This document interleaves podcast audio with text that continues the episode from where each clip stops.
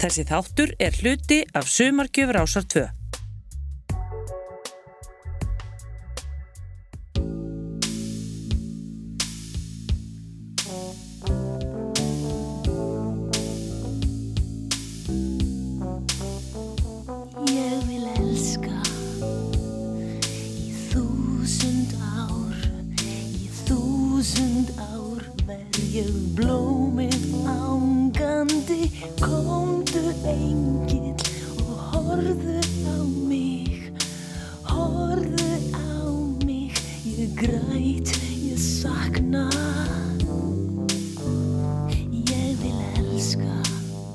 sæl og gleðilega háttíð. Guðmunda Ragnhildur Gísladóttir er fætt í Reykjavík 7. oktober 1956 og alin upp á Kjalanissi. Við förum yfir feril þessarar fjölhafu tónlistakonu, Rökku Gísla, í tilefni af 60 ára afmæli hennar og fáum fyrst svar við því hvaða tónlist hún hlustaði mest á á uppvakstar árunum á Kjalanissinu. Ég heiti Hulda Geistóttir en Gunnlaugur Jónsson og Ásker Eithosson sá um dasgrágerð og samsetningu. Já, pappi var organisti í Bröðrólskirkju Þannig ég svona skottaðist með honum í kirkju og söng í kórnum sko þó ég væri bara 8-9 ára sem var kannski ekkit vola vinsalt hjá fólkin í kórnum en ég gæti sungið sko alltinn og allt það þannig að það svona fylgti upp í og hann svona tristi mig fyrir því. Tónlist var ekkert mikið spiluð heima, það var svona bara hlusta á ríkisútvarpið og þau voru með blötuspilar reyndar og þar var svona Herb Albert og Tom Jones og eitthvað dótt sem að þeim fannst mjög skemmtilegt þróast held ég út í svona Santana hún fannst það mjög skemmtilegt pappa, hann kipti mig líka með á tónleika svona í hlikariði og ég man að ég grétt gætnan yfir falliru músík sem hérna lítill krakki. Var mjög svona tilfinningarnæðin fyrir þessu öllu. Þegar Raka var 11 ára spurði fadir hennar hvort hún vildi læra á píjano hún var til í það og byrjaði að læra við tónlistaskólan í Moselsveit Skömmu síðar byrjaði hún líki enga tímum hjá Ólafi Vigni Albertsinni Hann benti henn á að fara í tónmentakennardeild tónlistaskólans í Reykjavík sem hún og gerði á 18. aldus ári og útskrifaðist þaðan sem tónmentakennari árið 1977. Árið er 1977. Ragnhildur var tvítug þenni böðist að syngja inn á badnaflutuna út um græna grundu sem fylgdi í kjálfar hinnar geysi vinsælu einu sinni var. Gunnar Þórðarsson, Björgvin Haldásson og Tómas Tómasson voru framlegendur platnana en á þeim voru gömul og ný lög við vísur úr gamlu góðu vísnabókinni sem hefur verið eftirlæti í íslenskra barna allt frá því hún kom fyrst út árið 1946.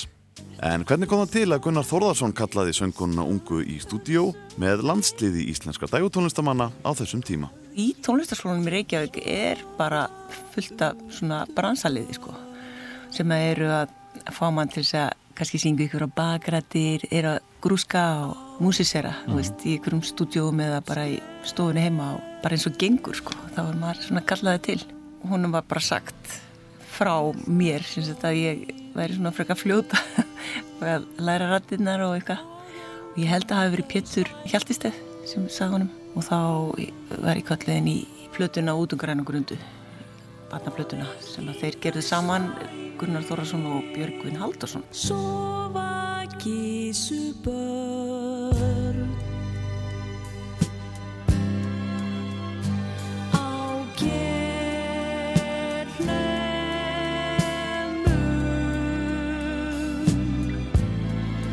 Murra og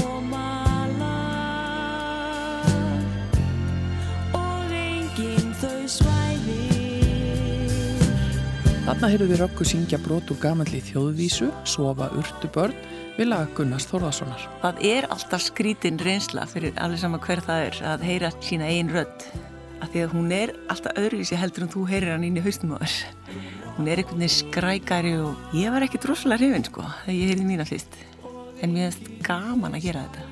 Og Gunni Þorðar, hann er ekki með einföldustu raddsetningarnar þannig að maður þarf svolítið að vera með það á hreinu veist, innra tóneira líka. Og hérna laglínur sem hann skrifar eru svolítið krefendi Nú blánar yfir berja mó og börni smá í mosa tó og lautum leika sér. Þau koma, koma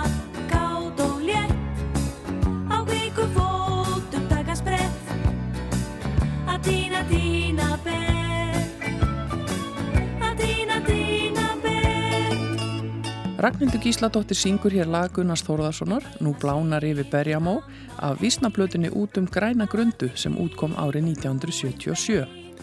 Sama ár setti Gunnar Þórðarsson saman söngflokkin Lummurnar og Rakka þótti hafa staðið sér svo vel á vísnablötunni að henni var bóðið í hópin á samt Jóhanni Helgasinni, Ólafi Þórðarsinni, Val Emilsinni og Lindu Gísladóttur.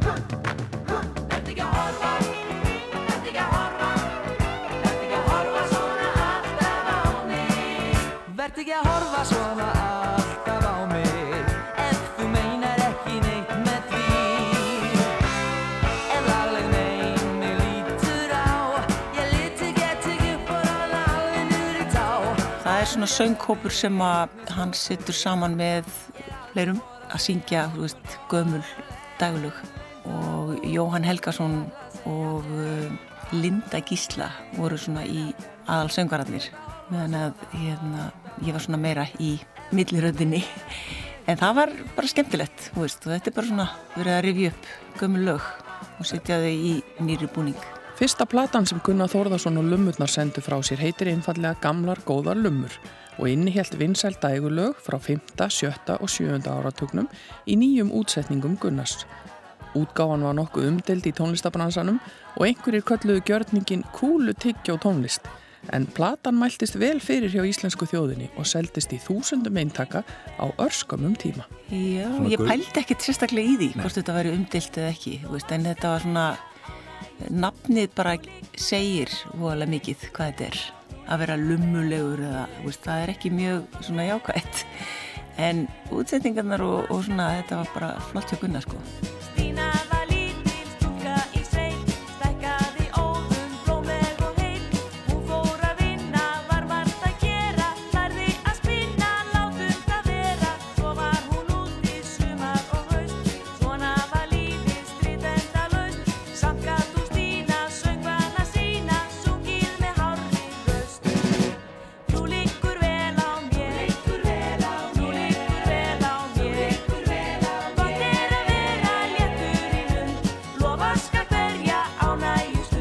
Árið er 1978.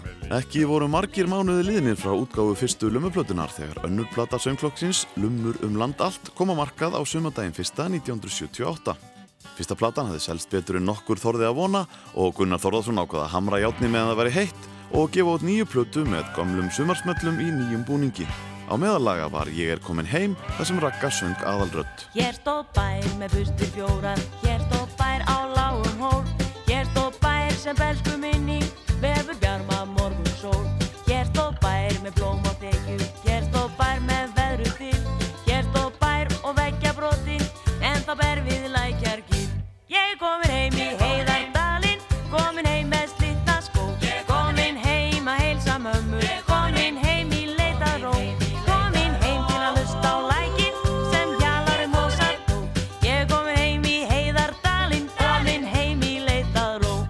að fjalla um feril tónlistakonunar og leikonunar Ragnhildar Gísladóttur í tilefni á 60 ára afmæli hennar fyrra árinu og við erum komin að árinu 1978 þegar Ragga söng duett með Björgunni Haldósinni í upphafslægi soloplötu hans Ég syng fyrir þig. Sko mér finnst það bara mjög skemmtilegt að vera kölluðan inn. Þetta er, maður er bara kallaður inn eins og sessjónmanniska, skilur.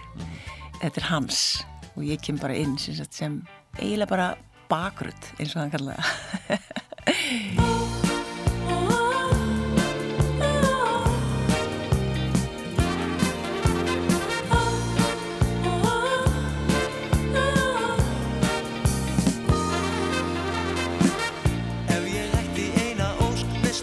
mundir á mig sjá hvað það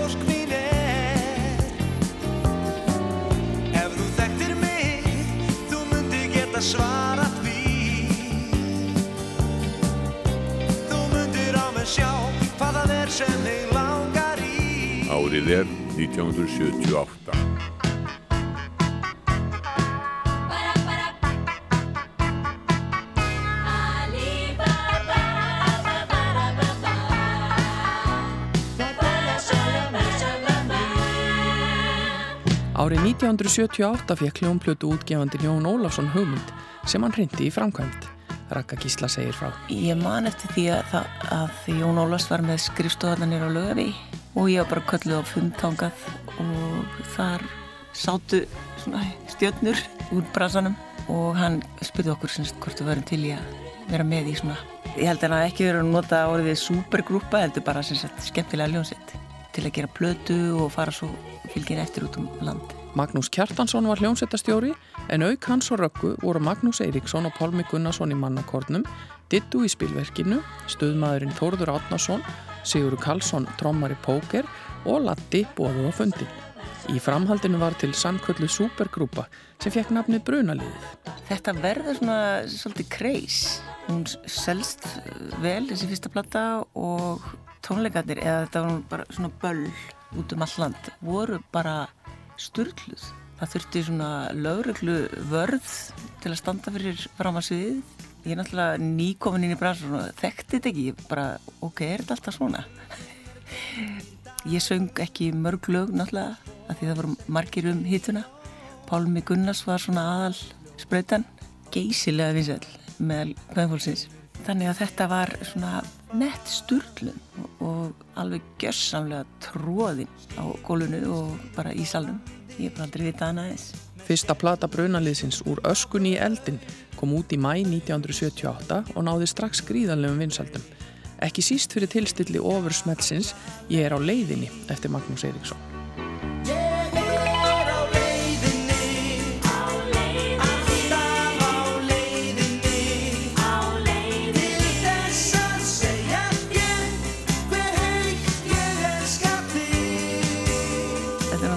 Ofbúslega langt síðan og það er ekkert rúslega mikið eða margt í gangi á þessum tíma. Það var bara heitt og kannski hið eina hið eina heita. Og hvað gerur þú veist, ég menna þú bara mætir á ballið.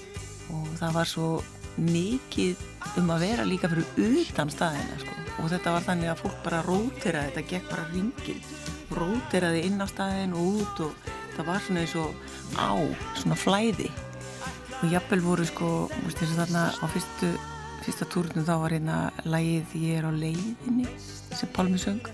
Að þetta syngja þetta sko kannski fjóru sinn á kvöldi. Og það var alltaf jafn trillt. Og það grétu konunnar frá þessu og það var svo fyndið maður. Hann var í, alltaf í svona íþróttagalla. Og það var svo mikil hiti og hann var bara komin úr honum og var þá bara í svona nettri spítorskílu undir sko sem náttúrulega þeldi líðin eða þá meira sko. Og þetta var bara framöndu skemmtileg Sintolitek tala í það til þess að ákveða stundin og staðin sem við tvö getum vakið upp draug af gömlum haug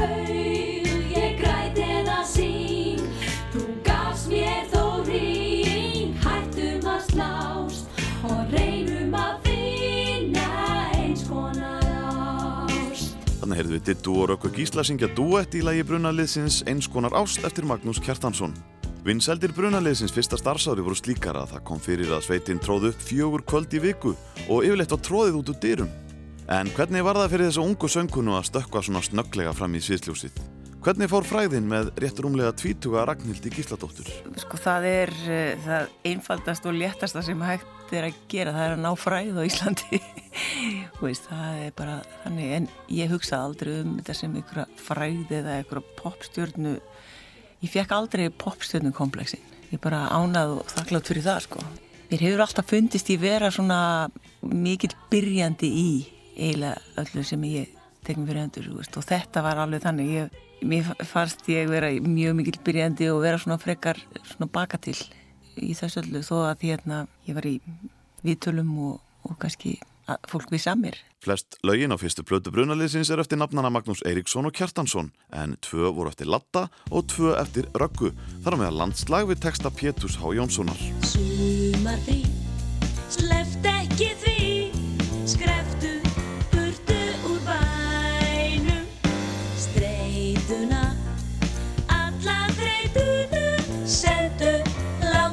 á sjó Landið þitt fagnar þér frelsuðum. Fjöllin þau bjóða þér heim. Heilsaðu háttvirtum jöklunum, hæstu fyrir átildunum. Fyrir jólinn 1978 sendi brunaliði svo frá sér jólaplötuna með eldi í hjarta sem síðar var endur útgefin undir nafninu 11 jólalög. Þar mátti finna blöndu af nýjum lögum og síkildum jólalögum og rakka samtill til dæmis og söng nýtt lag við þjóðvísuna það á að gefa börnum brauð.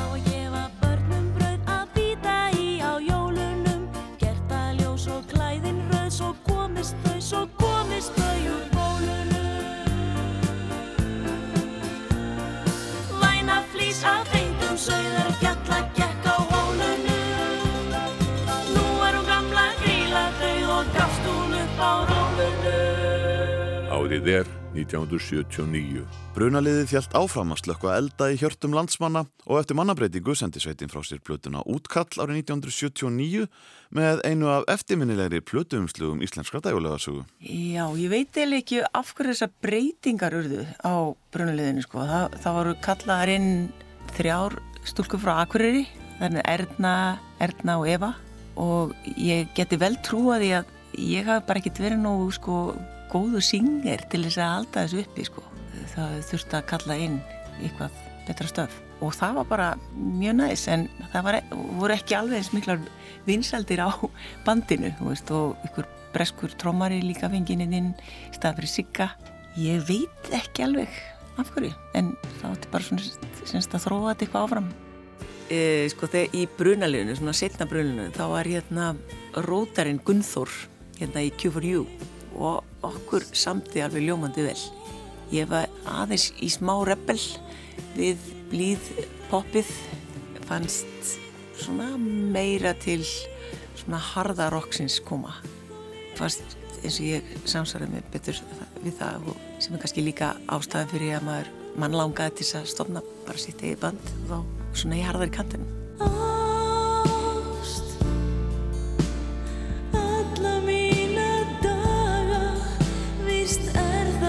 Lífsins saga.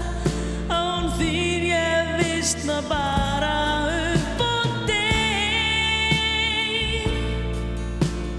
Alla mína daga Þessi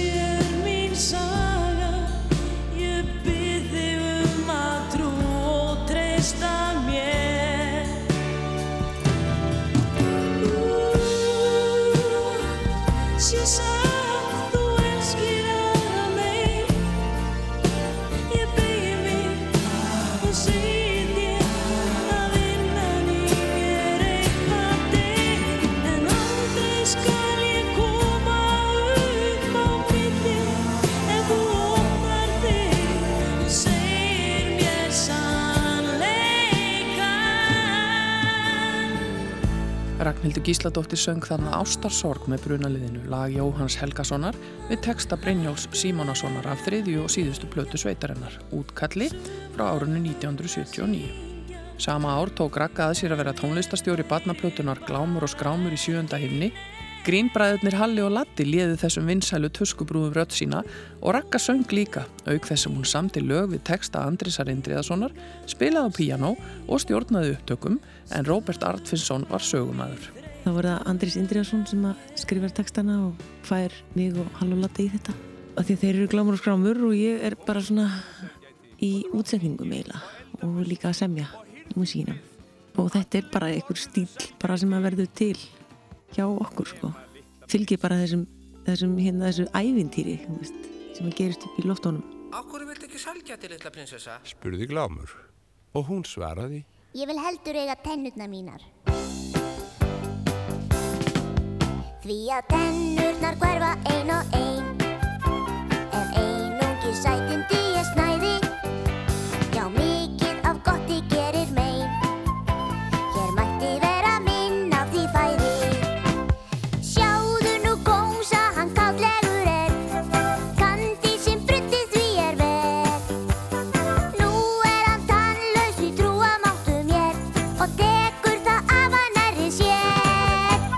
Glámur og skrámur var bara mega skemmtilegt verkefni. Bara alveg frá byrjun til enda. Hann hérna Andris Indriða fekk mig til að koma í stundin okkar syngja hérna prinsessulag sem ég samti bara á ég var jafnfljóta að semja eins og lengtin á læginu er. Og ég bara upp í sjónvarp og spilaði á píanu og söng það. Og svo er það sem sagt Glámur og skrámur platan með Latta og Halla og það var alveg ríkalega skemmtilegt og gaman að gera og hefði verið sniðut að taka upp sko það sem að gerist á bakvið sko það var eiginlega að finna það sko að okkar mati Já. þá og ég var rosa hérna ána með að, þetta verkefni og bara með því skemmtilega sem ég gert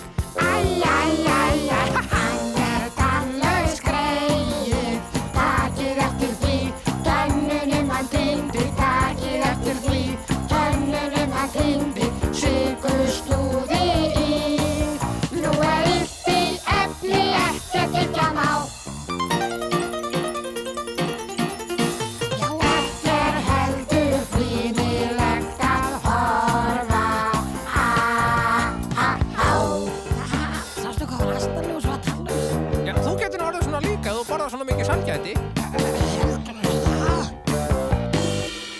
Árið er 1979. Eitt verð ég að segja þér áður en ég dey Enda skaltu börnum þínum kenna fræðin mín Sögðu mér það alvarnir í söðurey Sögðu mér það dvergarnir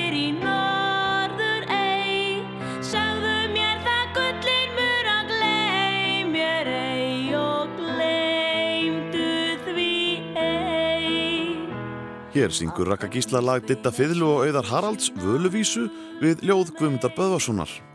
Lægið er á saplutunni Eitt verði að segja þér sem samtök herstöða anstæðinga gáð út 1979 undir yfirskriftinni Ísland úr NATO, herinn burt. Um 40 tónlistamenn kom að gerð hljómblutunar og kolluð sér heimavarnaliðið. Platan var endur útgefin 20 árum síðar á geislaplötu undir nafninu Baráttu söngvar fyrir friði og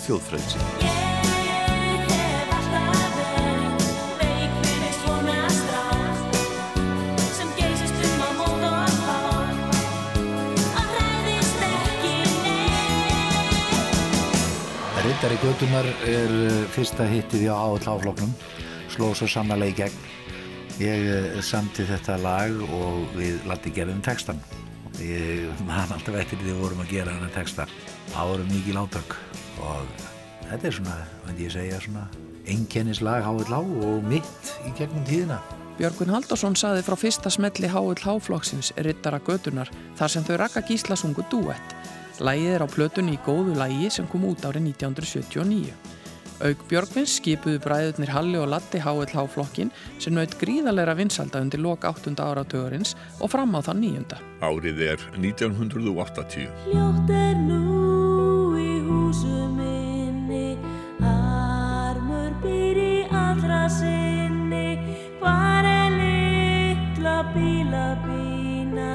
sárt er að missa sína. Ævintýrið um litlu lífsglöðu músina Pílu Pínu eftir Kristján frá Djúbalæk var flutt í morgunstund barnana í útarpi allra landsmanna hösti 1979. Heiðtís Norrfjörð las söguna en hún samti einni lög við ljóð Kristjáns og söng þau í þættinum við undirleik sonarsins. Ári síðar kom út bók með ævintýrinu og samtímis var gefin út hljómplata sem Ragnhildur Gísladóttir hafði yfirumsjón með. Hún útsetti lögin og stjórnaði upptökum, spilaði á framandi hljóðfæri og söng á samt heiðdísi, Margreði Helgu Jóhannsdóttur og fleirum, en Magnús Kjartansson sá um að framkalla músaskræki og önnur torkinnileg hljóð á hljóðgerfil. Já, ég vann Pílu Pínu fyrir Örn og Öllig og það var músik sem ég fekk bara í einhvern svona litlum brotum frá höfundi. Ég þurfti bara að spinna allt við þessi sætu litlu brot sem hún sandi við, við texta Kristjáns frá Djúbalag. Það var mjög krefjandi og skemmtilegt að gera þetta svona aðgengilegt, blítt, músa, krút, eitthvað. Það bara breytist allir í einhverja litlar krútmís þarna í stúdíónu. Upptökumæðurinn og, og allir sem að tóku þátt. Töluðu eiginlega bara svona í, með svona eins og það væri búið að taka heljum, sko. Það er magnað.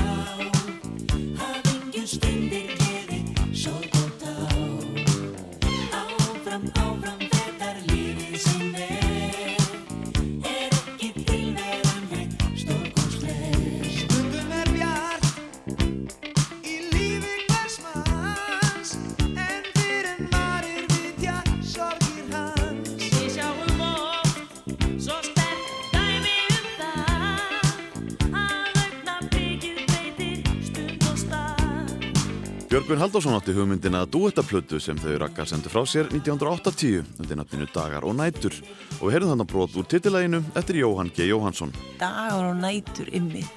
Það er í stjórn Björgvins Halldórssonar alfarið.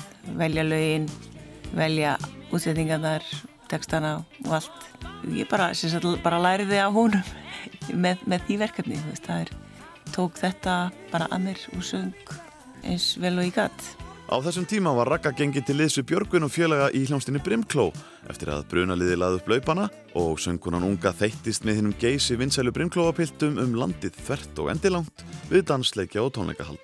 Á þessum tímum maður er, útskrifast úr skóla, maður er bara á enga pening og bara, ég bara líti á þetta sko svolítið að, ok, ég er bara professional hérna, alltaf bara í tónlist, búin að finna það og ég þarf að vinna fyrir mig með því. Þannig ég fór í það. Ég stundu svolítið hissa að ég skildi gera það en ég sé ekki eftir einu. Titilega plötunar Dagar og nætur naut mikill að vinsalda sem og lag Jóhanns Helgasonar Ég gef þér allt mitt líf við texta Jón Sigurssonar.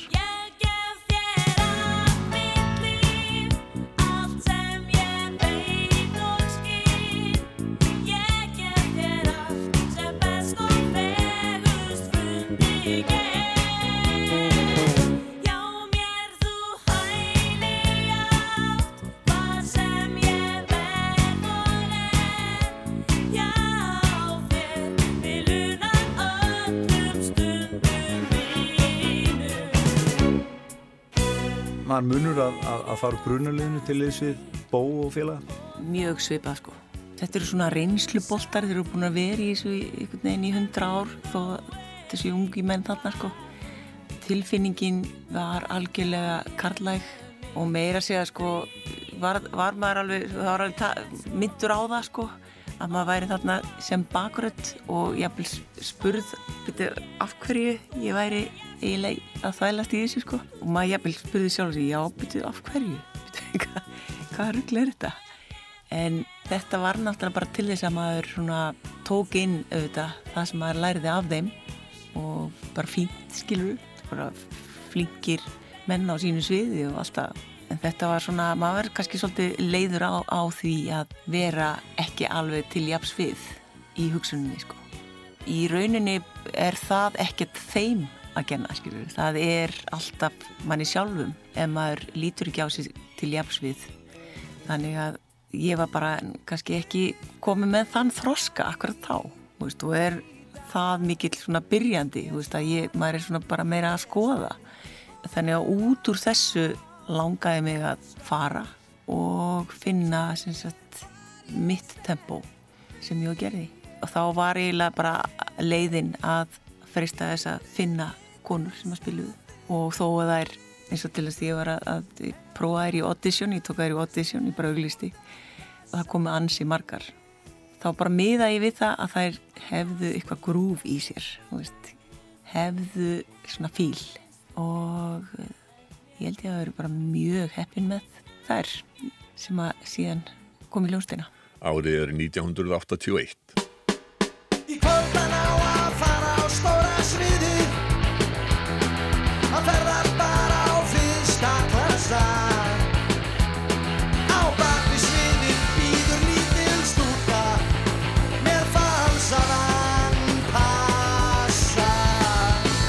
Kynnslóðaskipti voru ábyrjandi í íslenska dægulega heiminum í upphafi nýjunda áratugurins. Bubi Mortens og Udagardsmenn slói gegn 1980 og í kjölfarið fylgdu ótal punk og nýbylguljónsutir. 10. februar 1981 byrti dagblæði frétt um að Ragnhildur Gísladóttir var hætt í Brimkló og tveimur dugum síðar sagði hún frá því í sama blaði að hana dreymdum að stopna hljómsveit með eintómum stelpum. Hún gerði sér þó grein fyrir því að það er erfitt að finna góðan trommar og bassalegara. Ragga viðkynir í dag að innkoma Bubba Mortens árið áður hafi hjálpað henni að stíga þetta stóra skref. það bara hjálpaði mér algjörlega bara að hérna, vilja halda áfram í þessu sko. Það svona kveikti ymitt en þá meiri löngun til þess að fara mínar leiðir að þarna væri þetta ekki bara sagt, svona hálgjört karaoke ástand það væri fólk að semja og, og með meiningar í því sem það er að gera og það var náttúrulega er bara mjög miklu verðingu fyrir honum. Og þursaflokkurinn líka. Ég mætti á alla tónleika hjá þeim líka.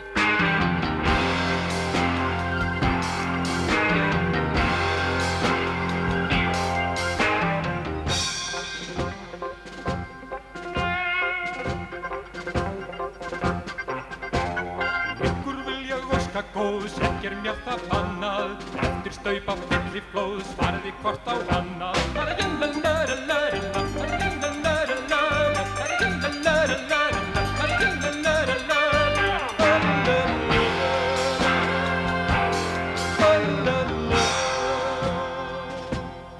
Ragga auðlist eftir hljóðfæraleikurum fyrir nýja kvennaljónsitt. Ekki stóð á viðbröðum og margar áhuga samar stúlkur komi í pröfu. og margar sem kunni ekki neitt sko. en hefðu áhugaði að vera í bransanum Það hefur kannski lúkið. Já, ég var ekkert að pæli því Nei. Nei, það var ekki pælingin sko. heldur bara svona spiritið Já. að þær hefðu þetta svona kraft og hefðu svona einhvern neista í sér og ég maður þegar, þegar Herdís bassalegari kom þá var hún mjög svona mm, confident sagði semst, hún var að semja músík og hún var búin að vera að spila og tók bara ferlega flott riff sem að hún þurfti ekki að spila neitt lengi þannig að, þú, að ég vissi að hún var komin í bandið. Eins og Linda til hennar strómari, hún kemur frá Eirabakka og ymmit í Hensson gallanum með permanent alveg svakalega feiminn, og inn í sig og sestu trómasettið og svo bara eitt, þrjú og bara búm, tjú, búm, tjú, búm, tjú, og spilaði bara alveg sama bítið einhvern veginn í, held ég bara sjö mjöndur eða eitthvað. Og ég spurði hvort hún kynni eitthvað annað annað svona grúf eða eitthvað og nei, getur þú spilað það bara hægar aðeins, veist? Og hún var alveg, já, já, það búm, tjú, búm, tjú, búm, tjú en hún held alveg tempóinu allan tíman og ég svo, já, ok þetta er bara fít grunnur sem við getum byggt á og, veist, og heldur tempóinu vel og við tökum þetta hérna svo fórum við bara saman svolítið í gegnum þetta. Ég vissi alveg hvernig trommur virkuð, þú veist, svona í grúfi og, og við bara mættum á æfingar bara tvær til þess að finna svona hvernig hún getur æft mismunandi grúf. Þannig að ég lærði líka á trommur um leið. Og gítarinn, hún kemur frá Skagaströnd, Ingarún og hafði verið í hljónsveit og hafði spilað nokkru sinni með þeim og tók ykkur bara riff fyrir mig og gerði bara mjög vel ráðinn. Og svo bara kynstu sér nokkra effekta og þetta bara small allt saman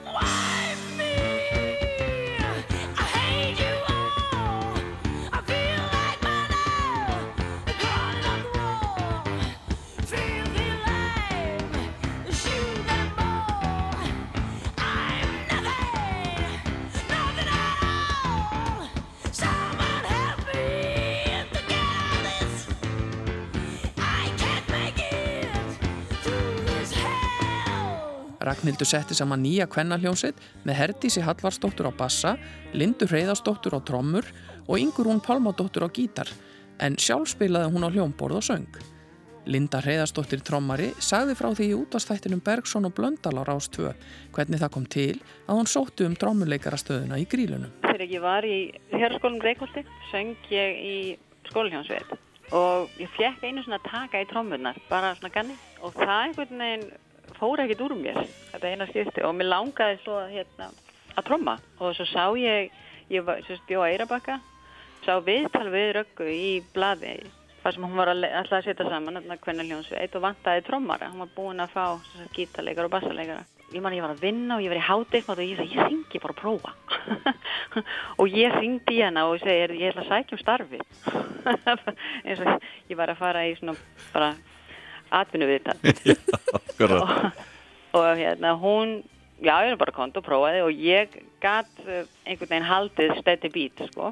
Þannig að það var bara það sem hann vantaði einhver sem gætt svona allavega trommað þannig að svona hérna nokkuð steady. Þannig að þannig kom það til og ég svona fór þessa leið. Við vorum allar svona nema rakka amatörar sko. Kunnum ekkert ómikið eða ekkert. Ég var bara 18 ára þegar við byrjuðum sko. Og þær voru alveg 6 árum eldri en ég. Ég var algjört baby sko, ég gekk í sko ullaból og borðaði lýsi.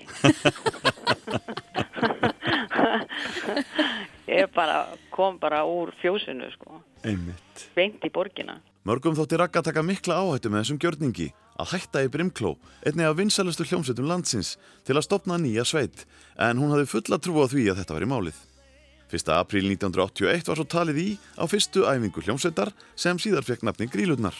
Það stóð reynda til að kalla bandið Leðurnunundnar, en þá myndust stúlkurnar frasa sem rockarinn Pétur Kristjánsson notaði gerna um hvern fólk. Grílunafni á kemur frá Pétri Kristjáns.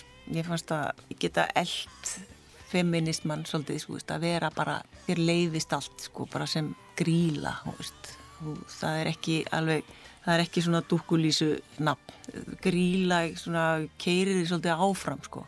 Gefur þér styrk og, og kraft, sko, í að keira einhvern veginn þessa hugsun í, í gegn. Eins og Pétur kynnti, þá var það bara, kettling, en flott gríla, það var svona mjög jákvægt, sko ef þær voru töff. Þannig að attitútið var fylgdi nafnunum mjög mikið. Þetta fyrirbæri gríla, þetta er svona hvenn giðja í raunni sem er, má eiginlega bara líka við sko móður jörð að ef þú bara hagar þér ekki, þá get ég þig.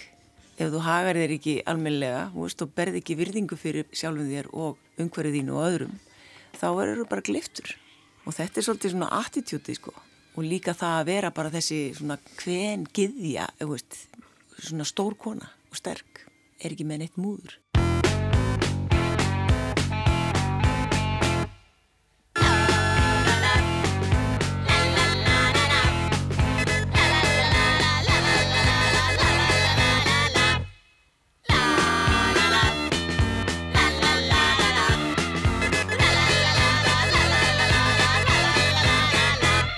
Grílurnar tróðu upp í fyrsta sinna aðeins tíu dögum eftir fyrstu æfinguna.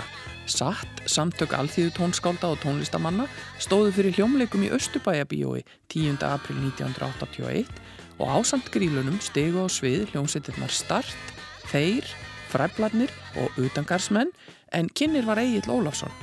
Margir voru á því að grílurnar hefðu alls ekki verið tilbúnar til að spila tónleikum á þessum tímapunkti og eitt þeirra var Sigurður Sverrisson tónlistablaðanaður á dagblæðinu. Grílurnar voru sannilega svo hljómsveit sem beði var eftir með hvað mestri eftirvendingu. Ég held í mig fullir að flestir hafi orðið fyrir vonbröðum með framlag þeirra. Það er engin ástæði til að horfa þeirra getum gleru á þessum tímum jafnbreytti sparáttu. Það er ekki neinum blöðum um það að fletta að grílurnar voru lélegasta hljómsveitin þetta kvöldið. Einfaldleikin sló jafnvel fræflana út á bönskutugum þeirra. Framinn kemur ekki á færibandi og það mega grílunar vita, en ég vonast eftir þeim mun sterkari næst. Já, við spilum þannig í Östubæðabíói og þetta var bara skelvilugu performance hjá okkur og dómatnir voru þar að leiðandi bara sangjarnir. Ég var ánað með að Megas kom hann á bakvi og, og sagði bara að þetta hefði verið bara besta atriðið á kvöldinu og mér fannst það bara nóg, bara fyrir mig sko. En ég vissi náttúrulega að þetta var skjálfilegt en ég var ánað með að hafa kickstartað þessu svona hressilega sko væntingarna voru svo brjálaðslegar einhvern veginn, það var alltaf verið að ringja og spurja hvernig þetta gengi og hvað er allir að spila og bara daginn eftir að bandið var formað sko. Þannig að það var bara fínt að róa liðið með þessu, þetta væri bara komið í gang. Og ég bara, ég man eins og bara gerist áðan þegar ég kom á æfingu, veist, daginn eftir og þær voru bara grátandi og ég segi bara, þetta er ekki mál. Bara það er ekkit hægt að fara nefnu upp hérna og, og þetta er bara, þessi er bara lokið og þetta er bara töff, flott og takk fyrir að fara í gegnum þetta með mér sko. Þetta var svolítið sætt veist, og þetta mjög djart og líka bara á þess að maður bara svona átt að segja þá var þetta að gera á þess að geta tilfinning þessa tíma svolítið. Well it ain't no use to sit and wonder why baby Even you don't know by now. And it ain't no use to sit and wonder why baby It'll never do somehow. When your rooster crows at the break of dawn Look out your window and I'll be gone. You're the reason I'm a traveling on. But don't think twice, it's alright. Þegar við tókum fyrsta gigið þannig þetta vonda þá tókuðu þetta lag af því það er með þessum þetta pum-tjú, pum-tjú, pum-tjú í rytma, skilur þú veist og opbáslega fáir hljómar og auðvelt að spila einfall lag. Og það var einhver, ja, þessi vinnu minn sem bendi mér á að þetta geti verið bara sniðut til þess að fylla upp í dasgrána svo fannst okkur bara rosa gaman að spila þetta lag. Þannig að það held inni bara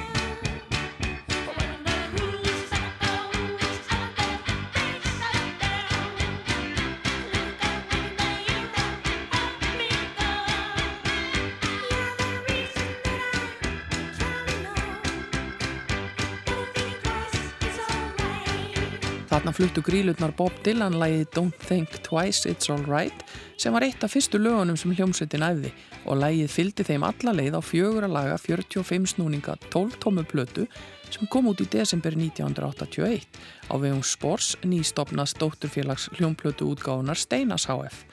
Jónatan Garðarsson var framkvæmdastjóri Spors sem hafði það að markmiði að fylgjast með græsrótinni í tónlistarlífi landans og hann sá grílutnar á þeirra fyrstu tónleikum. Sko ég fór á tónleikana í Östubæðabíu þar sem að uh, grílutnar spiluðu og þær voru nú ekkert sérstaklega góðar en mér fannst þetta töff hugmynd og ég þekkti nú röggu fyrir og vissi alveg hvað hún gætt gert.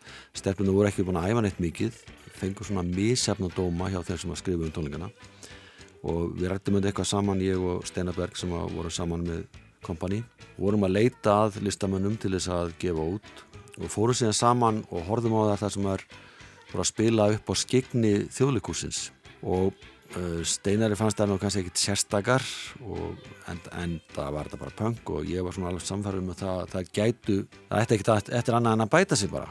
Stelpu sem að greinilega voru með það og reynu að það ætluðu sér að meika það Við rættum þetta síðan og síðan eftir smá tíma þá segir Steina bara akkur ferði bara ekki að hitta þér og gerir bara við það samning? Og ég tala við Röggu og við hittum síðan æfingahúsnaðinu hennar eða þeirra upp á langosvið þar sem þær voru að æfa og stelpunna voru nú frekar stressaðar yfir þessu.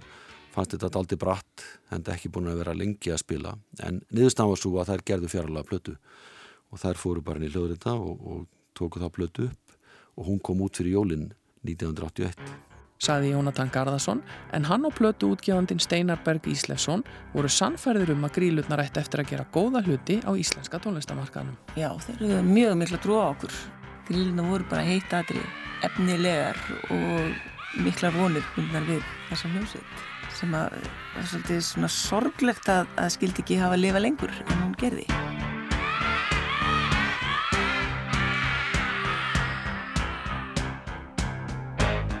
Í viðtali í vikunni 7. mæ 1981 saði Raka að hljómsettin væri sannarlega stopnuð með atvinnumennsku í huga og að þær hefðu allar gaman af.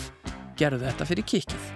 Þrátt fyrir að við stopnum hvenna hljómsettar væri ekki byggt á neinum grunni og þar væri algjört reynsluleysi ætluðu þær samt að vera fyllilega sambærilegar við bestu karla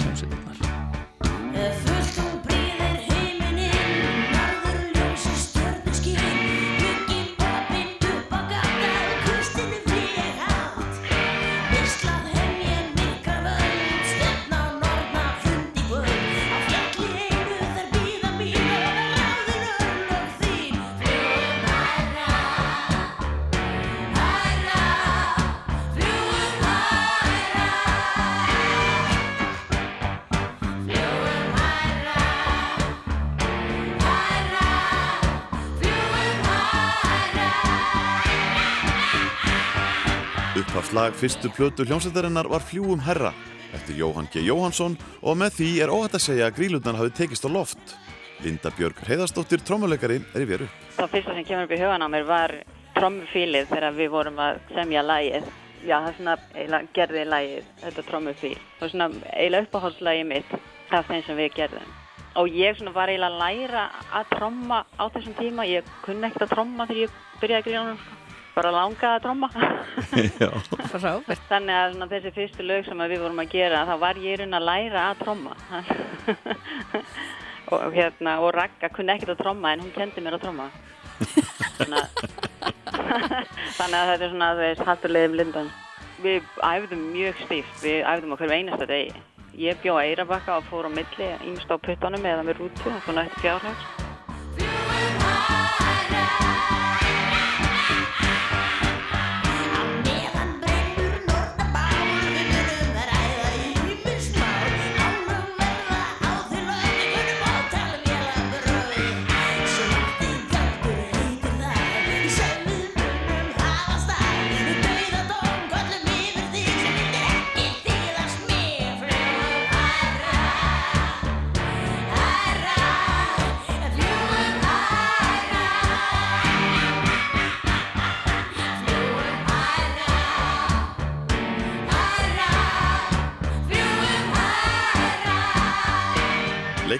Og búningahönnurinn Dóra Einarsdóttir kom tölverti sögu hjá grílunum þegar sveiti nýtt úr vör og sáum að útlitið á stúlkunum hæfði verkefninu en það vöktu grílurnar strax aðtegli fyrir fríkaðan klæðaburð og augrandi líkamsmálningu. Hún er búningahönnur og hún þekkti hann að gerði í flunni, voru svo vel það er að stíli sér að hitt og þetta og fór með okkur bara þangað og valdi á okkur eh, född til þess að fara í myndatöku fyrir vikuna fyrsta svona viðtali og, og hérna gerði það bara mjög töff.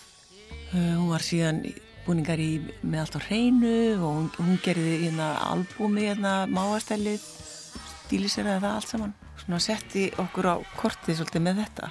Og líka bara það var svona nöðsilegt að fá einhvern svona utanakomandi til þess að koma að.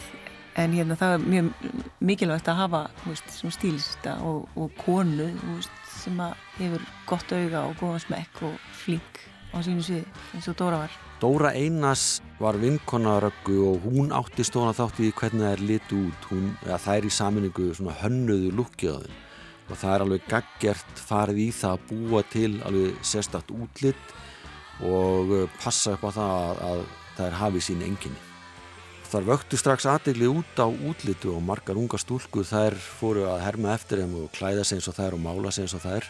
En það sem kannski vantaði upp á var samhæfni í hljóðfarleiku og spilamennsku. Þannig að þær æfðu og æfðu og æfðu voru í þessu æfingásna upp á langarsvegi og ærðu náttúrulega allt umhverju þar. Nokkri nákvæmlega sem að kvörtu undan háanir sem kom frá þessum bílskur og, og bara liðinu sem var hérna í kring. Þær fóru algjör í það að vera pönkarar og gerðu það mjög vel og þegar útliti var komið og tónlistin var svona þróast þá að farið að velta því fyrir sig hvort að það geti ekki sami ykkur lög. Og þær gerðu það svo sannlega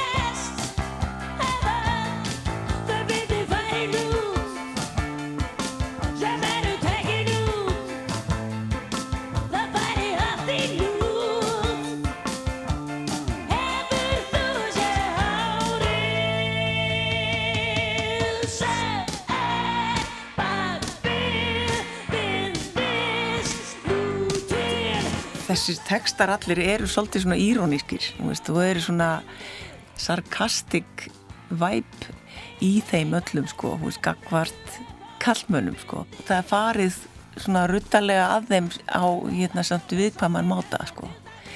E, eins og það bara svona verið að gera grína þessum bindum. Þetta hálstöy er ennþanda í dag alveg aðalmálið, þú veist.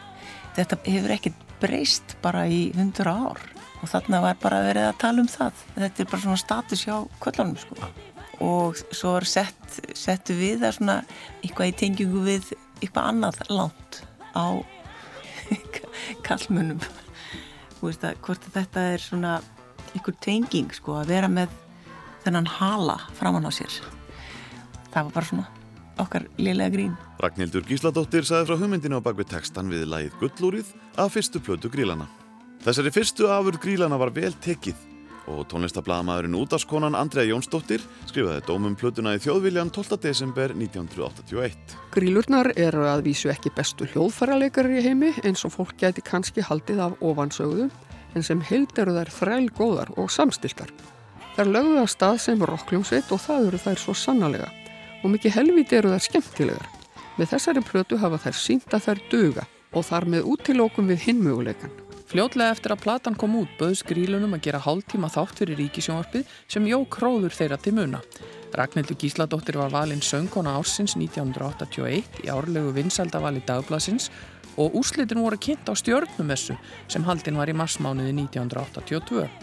Framtíðin var því björnt fyrir þessa fyrstu kvennarokksveit Íslandsögunar.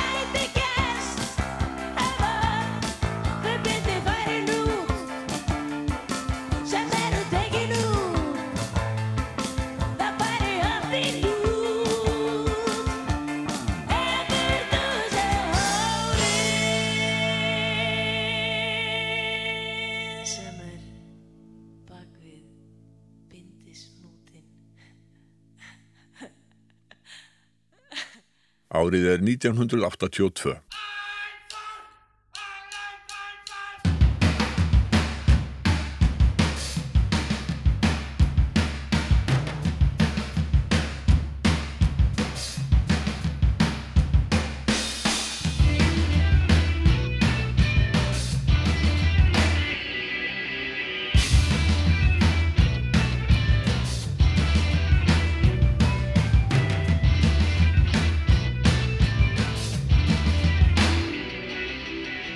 Þór Friðriksson og félagar í kvikmyndafélaginu Hugrenningu tilkynntu, hausti 1981, að þeir ætluð að gera heimildamyndum nýbylgjutónlistina í landinu. Í viðtali í morgumblæðinu saði Friðrik að myndin hefði fengið heitið Rock í Reykjavík. Upptökur hófu strax í loka oktobermánaðar og lauk 7. februar 1982 þegar hljómsveit Bubba Mortens, Ego, flutti nokkur lög á lækjatorki. Rock í Reykjavík var frumsyndum páskana það ár í tónabíói og var hún hvorki meira en í minna en fyrsta kvikmyndin á Norðurlöndunum sem tekin var upp í Dolby Stereo. Margar af helstu hljómsutum íslensku punk og rockbylgjunar í upphafi nýjunda áratöðurins komu fram í myndinni og ein af þeim var Grílurnar með Rokku Gísla fremsta í flokki. Ég held að ég geti fullist það að allar okkar hafa fengið einhverja ákveðna útrás kynferðislega á sviði. Ég get fullist það að ég er ekki alveg viss um þetta fyrir mitt leiti því að þetta er mér öldungis framaldur hanga til ákvarðat núna en hins vegar, já, ef maður fer að hugsa út í þetta eftir þá hefur þetta náttúrulega mjög svo sérstök tilfinning að standa upp á sviði og... Hvað er það tilfinning? Ég rann það. Pæli í því það stendur alveg massir af gæjum kannski fyrir framann. Haldið þetta ekki áhrif á maður? Alveg stýrir af hamingjum að þau. Maður tekur alveg á móti og stýrnar upp á móti. Þá kemur viss tilfinning í músikinn. Frumsýningadaginn 10. apríl 1982 kom einnig út tvöföld hljómplata með tónlistinni úr myndinni og þar var meðal annars skrýlulagið Gullúrið sem uppalega kom út á fjörulega plötunni árið áður en þessi útgáfa var tekin upp á skemmtistanum Óðali.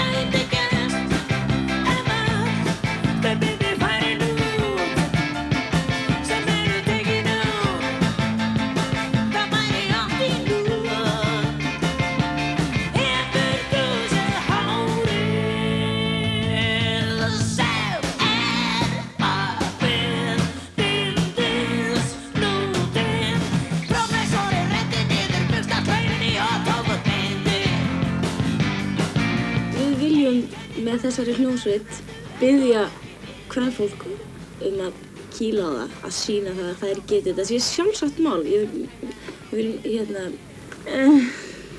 Sem sé, leia bílskúr, slá viksla, kaupa ljóðfæri, tróðast með þetta inn í bílskúrin, setja þetta saman og bara byrja. Og æfa bara stíft og það gengur þetta. Og fara aldrei að grenja. Við heyrðum brot úr viðtali við grílutna Röggu Gísla, Herdísi bassaleikara og Ingurún gítaleikara úr heimildamyndinni Rock í Reykjavík. Áður en að frumsýningu kom bauðs grílunum óvænt að fara með mjög stuttum fyrirvara í ferðum Norðurlönd í mars 1982. Jónatan Garðarsson útgáfustjóri rifjar upp. Það var þannig að það var maður í Svíþjóð, Arnar Hákonusson sem að var að flytja en íslenska varning, selja Íslendingum og öðrum. Hann hafði mikið náttúrulega tónlist og uh, hann ætlaði að koma íslensku blötu útgáfu í gang í Svíþjóð og hann fekk litlu blötuna eða, eða fjárlega blötuna með grílunum og fyrir að spila þetta fyrir einhverja aðila, Polygram veit ég blötufyrirtækið og tala síðan við út af svo sjómasmenn sem verða svona rosalega spendir ég fæ símdal á förstudagsmotni og bara það spurt hvort að ég geti komið út bara um helgina. Og ég ringir öggu og hún kemur upp á skrifstofu og við ákvæmum það bara að kíla á þetta. Það reynda að sko bjarga ótir í flugi en það er ekki hægt þannig að er fara bara út með flugleðum til Stokkons spila þar í sjónvastætti ætla síðan að vera á nokkru stöðum spila fyrir Íslendinga og, og vera einhverju litum klúpum hann í kringum Stokkólm en þegar það eru búin að koma fram í sænska sjónvarpinu þá er haft samband við sænska sjónvarpinu frá danska sjónvarpinu.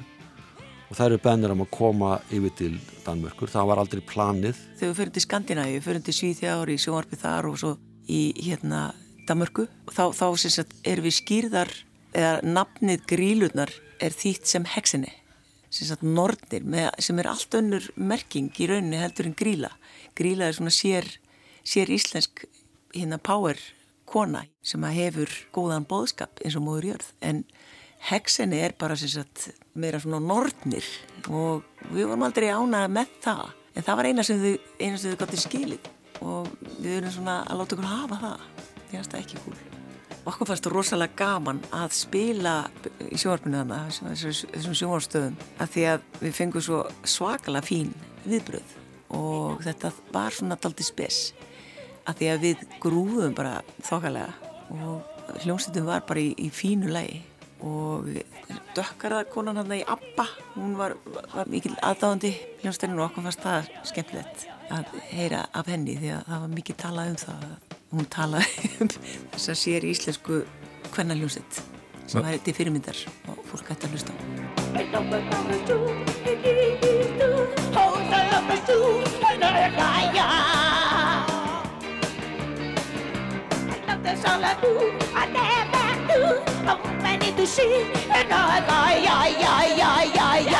Fræðarsól Grílarna skein skert árið 1982 og í sumarlog tróðu stúlkurnar meðal annars upp á stórtúlingunum Melarokki sem haldnir voru á gamla Melavellinum í Vesturbæri Reykjavíkur en meðal annara sveita sem komu fram á tónleikunum voru Tappi Tíkaras, Q4U, Vonbriði, Fræbladnir, Burgupilnik, Baraflokkurinn og Þrumuvagnin.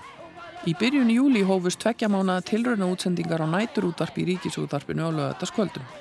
Næturdagsgrán fekk nafnið á Rokkþingi og hafði Stefán Jón Hafstein umsjón með verkefnin í júli en Ævar Kjartansson í ágúst. Síðasti þátturinn var sendur út 28. ágúst og þá útvarpaði ævar hljóðrutunum frá Melarokki. Þar tóku grílunar meðal annars lag af væntalegri fyrstu og einu breyðskifu sveitarinnar. Þetta var á Melavellinum klukkan, já, rúmlega 5 í dag, en um, það var stuð í mannskapnum og grílunar voru sangkallað augna indiblessaðar, vel skreittar og skrítar og hér heyrum við rockstjörnuna halda smá fyrirlestur um íslensku, um slangið. Verður æðislega hefi. Ég reyna að fríka út en ég meika það ekki því hann er svo meiri háttar. Þegar ég fer á bembe þá verður hann svo speysaður ég meik ekki sens ég kalla á búsið og allt verður gjörsamlega glatað Ég reyna að akta kúl en ég meika það ekki Því hann er svo meiri hátar Hvað er að skeið? Melorokki var bara eitt af þessum giggum en mjög spennandi að því litið það voru svo margar hljómsettir þetta var svolítið svona air, airwaves byrjun. Það var gaman veist, að vera með þetta element sem heitir bara hvernaljósett og við fengum óbáslegan góðar viðtökur. Mann er fannst með að vera svona á rosa stóru sviði með rosa stórt sound af því að við vorum með svona venjulega bara þegar hljómsveitin var eina á ferð þá höfðu við ekki, við vorum með okkar kerfi sem var svakalega lélegt og þetta var svona daldi bastl af því að, og, og leiðilegt að vera með alltaf svona vond sound og það var náttúrulega þreytandi. Árið er 1982.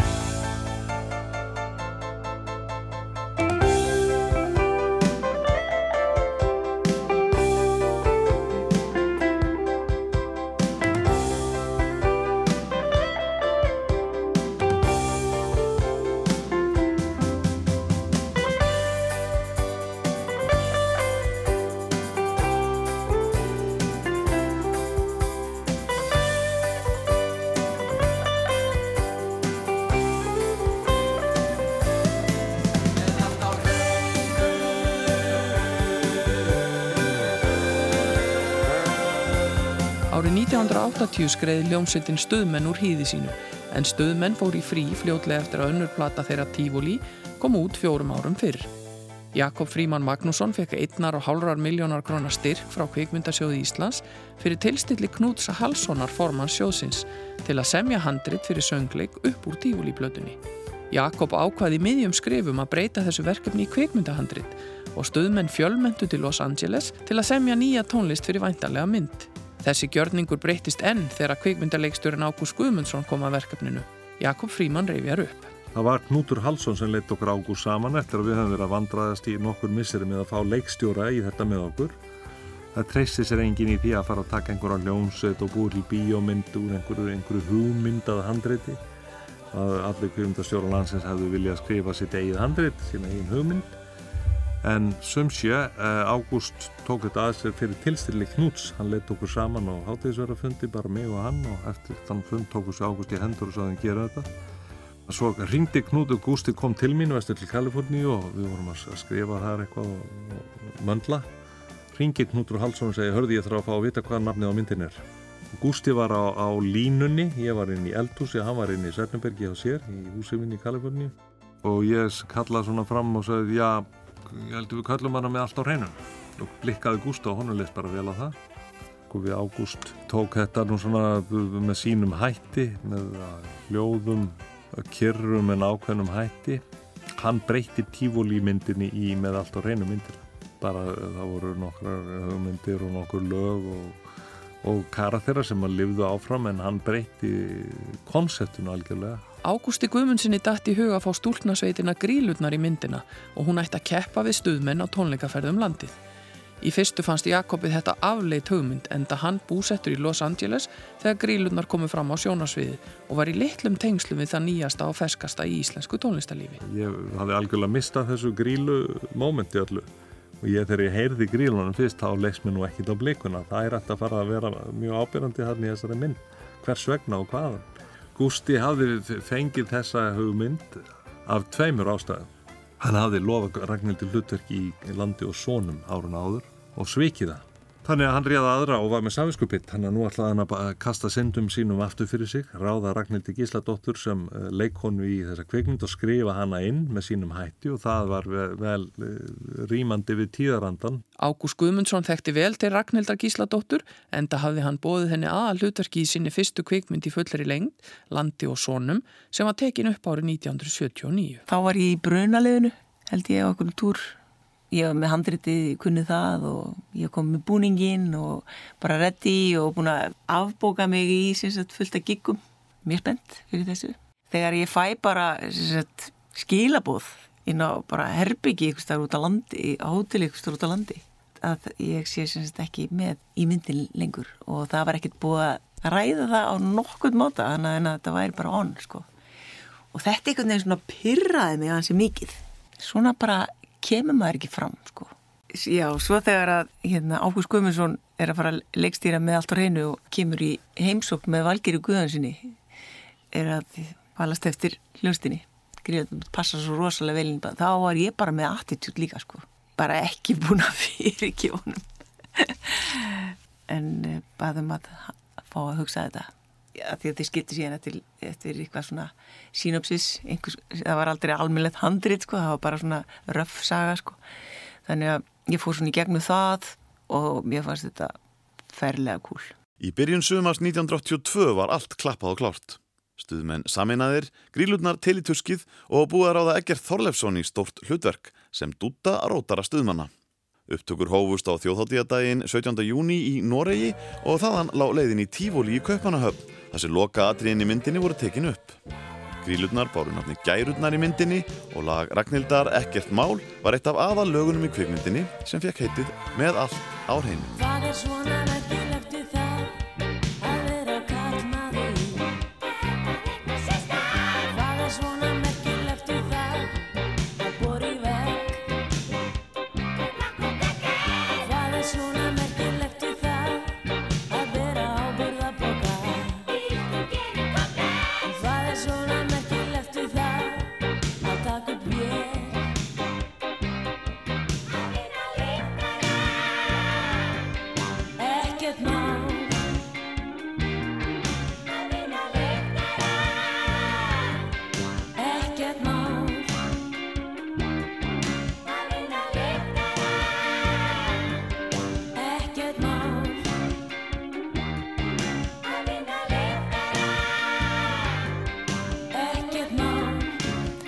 Þetta náttúrulega bara klika gaman.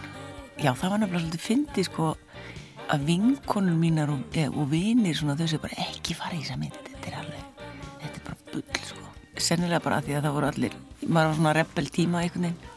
Þá fór ég í þetta og það, þetta var svo mikið fjör.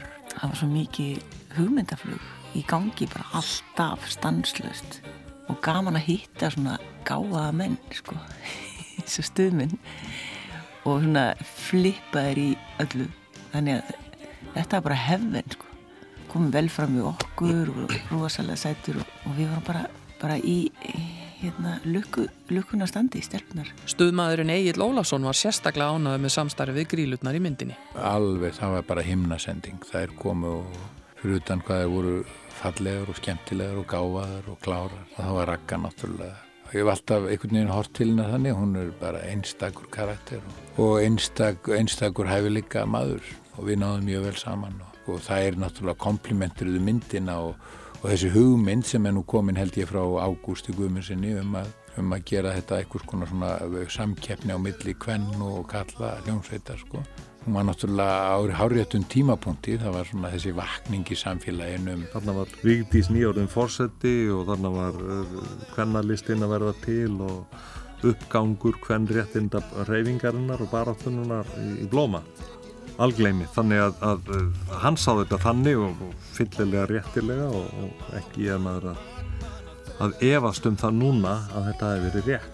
Í læginu Ástardúett eigast við Kristinn Styrkársson Proppe, söngvari stuðmanna og gæran Harpa Sjöfn sem Egil Ólafsson og Ragnhildur Gísladóttir tólkuðu ógleimanlega. Ágúst leiktjóri pantaði þetta lag sérstaklega en það skinniði hann mikilvægi romantískar spennu í væntalegri kvikmynd.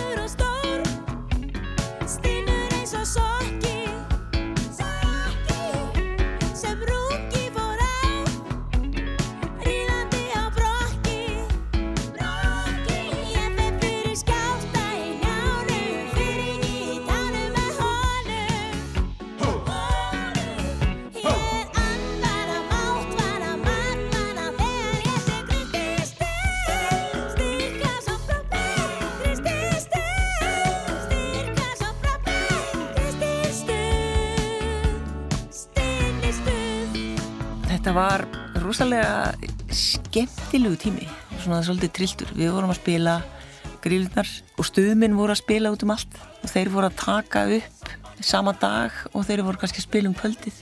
Og maður fattaði stundum ekki hvernig þetta var hægt.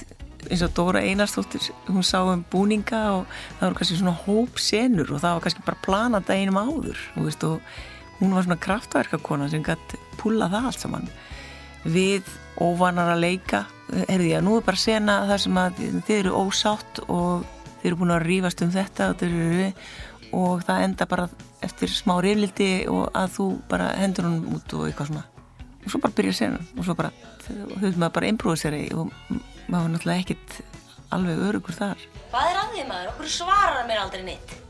Er ekki séðan svo að ræða þetta aðeins? Ég meina, ok, ég var með kannski smá spælingar að það gera en ég séð um mig og þú sérð um þig. Þú einblínir endalist á flísin en tekur ekki nótis af bjálkanum.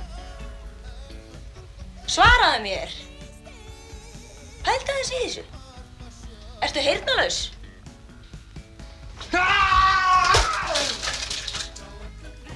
Til hvers er að vera að tala við þig?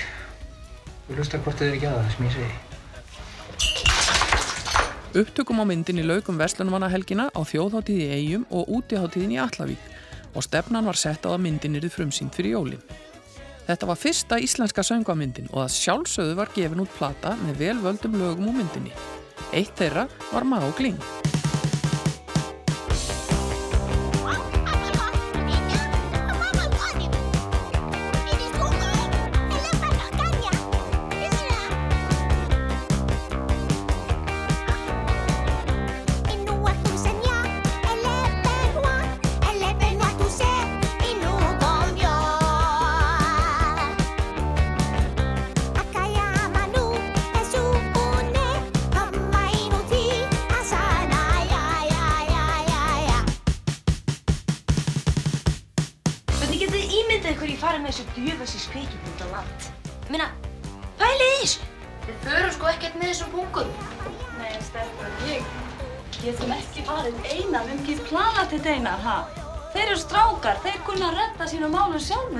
Við. Förum náttúrulega ekkert sem bakrættir sér. Förum bara sem almennlegt band. Bakrætta bandið, hapa. Ekkert bakrætta band. Förum bara með pottið dansprogram og skemmtiatriði sem við höfum hannað sjálfar og mölum þá. Förum létt með það. Þeir eru svo gammaldags. Ég held að enginn hafi gert sér grein fyrir vinsaldum sem að koma til með að vera á þessu bíómyndi en eins og annað þá er ekkert óbúslega margt í gangi. Það var ekkert verið að gera margar bíómyndir á ári. Þetta var bara uh, vinsælar hljónsveitir sem að koma þarna saman og í grínið og stuðminn náttúrulega alveg massa heitir og svona dálítið þessi mystíska hljónsveit hafði það orða á sér og spennandi að fara að sjá, sjá þá í búkaleihitónum sko. Dans og söngvamynd. Og þetta var bara þannig að krakknir bara mætti í bíó og sungu bara og skiptu liði. Það var gríllið og, og svo stuðmannlið og, og fórum með setningarnar og kunnu bara myndina veist, þannig að þetta var bara svona eins og félagsmyndstöð að fara að sjá bíómyndina með allt á hreinu að kvöldi til um helgi. Bíómyndin með allt á hreinu naut gríðarleira vinsalda og hefur endur nýja vinsaldir sínar hjá ungu kynnslóðinni allt til dagsins í dag. Framhaldsskólanemar hafa til að mynda verið döglegir að setja söngleikin upp á leiksviði og margir af þeim sem sáu myndina í upphafi rifja snildina reglulega upp. Við erum að fjalla um tónlistaferil Ragnhildar Gísladóttur í tilhefni af 60 ára amali hennar fyrr á árinu og þráttur er að grílunar hafi átt hug hennar og hjarta í upphafi nýjunda áratugurins tók hún ímis önnur tónlistaverkefni að sér á sama tíma. Kísa gluggan kom upp á, konur báðar opna skjá, hver vöndin þreif upp þá, þrís var gerði hanast þá. Raka sá um tónlistastjórn á barnaplötunni Kondu Kísa mín með lögum eftir Jóhann Helgason árið 1982. Ragnhildur útsetti lögin en Sigrun Hjálmtíðsdóttir, Dittu, söng á plötunni sem var hugsuð sem fjáröflun fyrir dýraspítala Watsons í Víðidal. Það var svolítið fyndið sko, Jakob Magnússon var beðin um að gera hana. Hann hafði ekki tíma og bent á mig. þetta, þetta. Eða þekkt hann ekki þá sko. En þetta eru lög eftir Jóhann Helgason. Við fengum Dittu til að syngja. Ég gekk svolítið út frá hljófarum sem eru nótuð í tónmend svona þeir sem voru svona til staðar í kjenslustofum í, í tónmend það er piano og, það, og þetta er svona lítil ásláttaljófari bara sem ég nota líka. Svo fæ ég einhverja blásara og tréblástursljófari og eitthvað svona til að skreita það. En aðalega er þetta svona tónmenda marimbur og klukkuspil og litli symbalar og svolítið stótt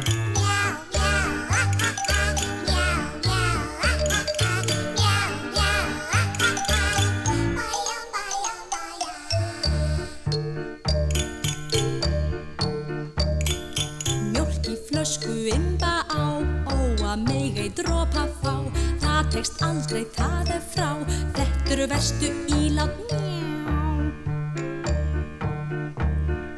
Þarna ráð ég seinast sá Svifti spenna stútnum frá Ilti henni borðið á Bun á gólfið fellur há Dittu syngur hér lag Jóhanns Helgasonar við texta Stengrims Arasonar um mjölk í flösku og rakka gísla mjálmaði bakrætinnar.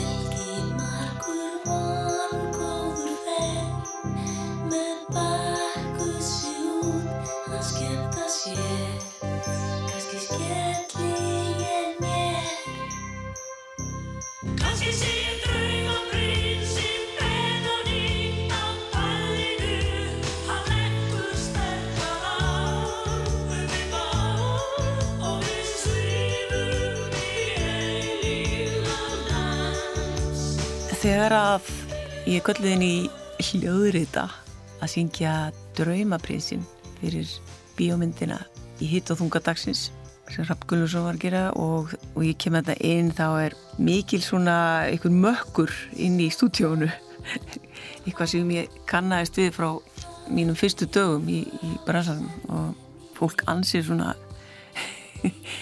í mikill í sælu þannig, og svo er lægið sett í gang og mér finnst þetta svona ríkalega skemmtilegt. Mér finnst þetta að vera svona nýtt sánd í íslenskri tónlistar popsugur að þetta var svona synþa, allt syntha og trómuheilar og, bara flott útsetning og mér finnst alveg ríkalega gaman að syngja og það sem að ég ennþá spurðað hvort ég syngi um draumaprinsinn Benjamin og ég syng líka um draumaprinsinn Benoni. Og fólk hefur haldið fram að ég hafi bara verið eitthvað að rugglast skilur í þessu. En það var bara verið að prófa hvort hljómaði betur og svo bara, það er bara cool höfum bara, höfum bara bæði. Það er ákverður Magnúsar, alfarið. Og ég, ef ég syng þetta lag í dag þá nota ég bæðinum Ragnhildur Gísladóttir sagði frá upptökum á lægi Magnúsar Eiríkssonar, Draumaprinsinn Lægið hljómaði í kvikmyndi Hrafts Gunnlaugssonar okkar á milli í hýta og þunga dagsins sem var frumsýnd sumari 1982. Lægið rataði líka á fyrstu soloplötu Magnúsar Eiríkssonar, Smámyndir, sem kom út sama ár en áður hafði hann meðal að skifa út þrjár plötur með hljómsett sinni mannakornum. Þá er þessum fyrir hluta umfjöllunar um tónlistaferil Ragnhildar Gísladóttur að ljúka en við tökum upp þráðin á sama tíma morgun og þið geti líka heyrt lengri útgáfur af þáttunum í laðvarpi rúf. Gunnlaugur Jónsson og Ásker Eithórsson sá um dagskrágerð og samsetningu en ég heiti Hulda Geistóttir og við ljúkum þættinum í dag með læginu Hvað um mig og þig sem var líka á fyrstu sólóplötu laga og textahöfundarins Magnúsar Eiríkssonar Smámyndir frá árinu 1982 eins og Draumaprinsinn sem við heyrðum áðan en Ragga söng þrjú af 13 lögum á plötunni.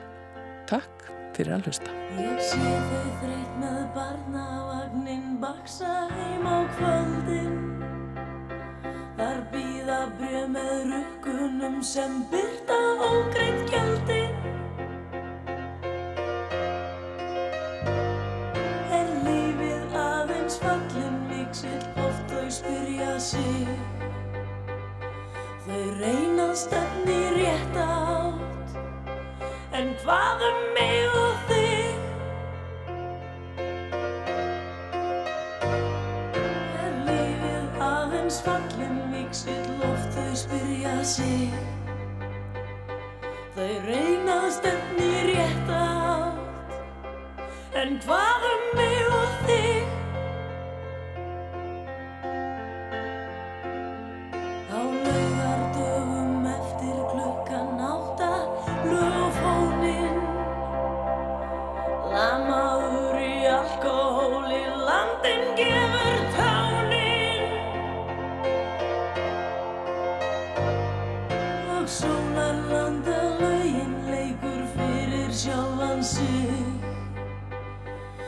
gengur fólk til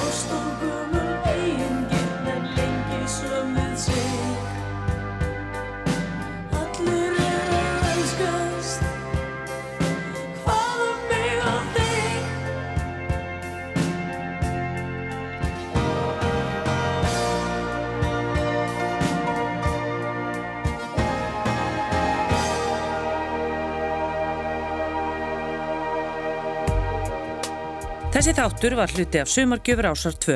Þú getur nálgast fleiri þætti úr Sapnir Ásar 2 í spilaranum á rúf.is, í rúf appinu fyrir snjalltæki og öllum helstu hlaðvarpsveitum.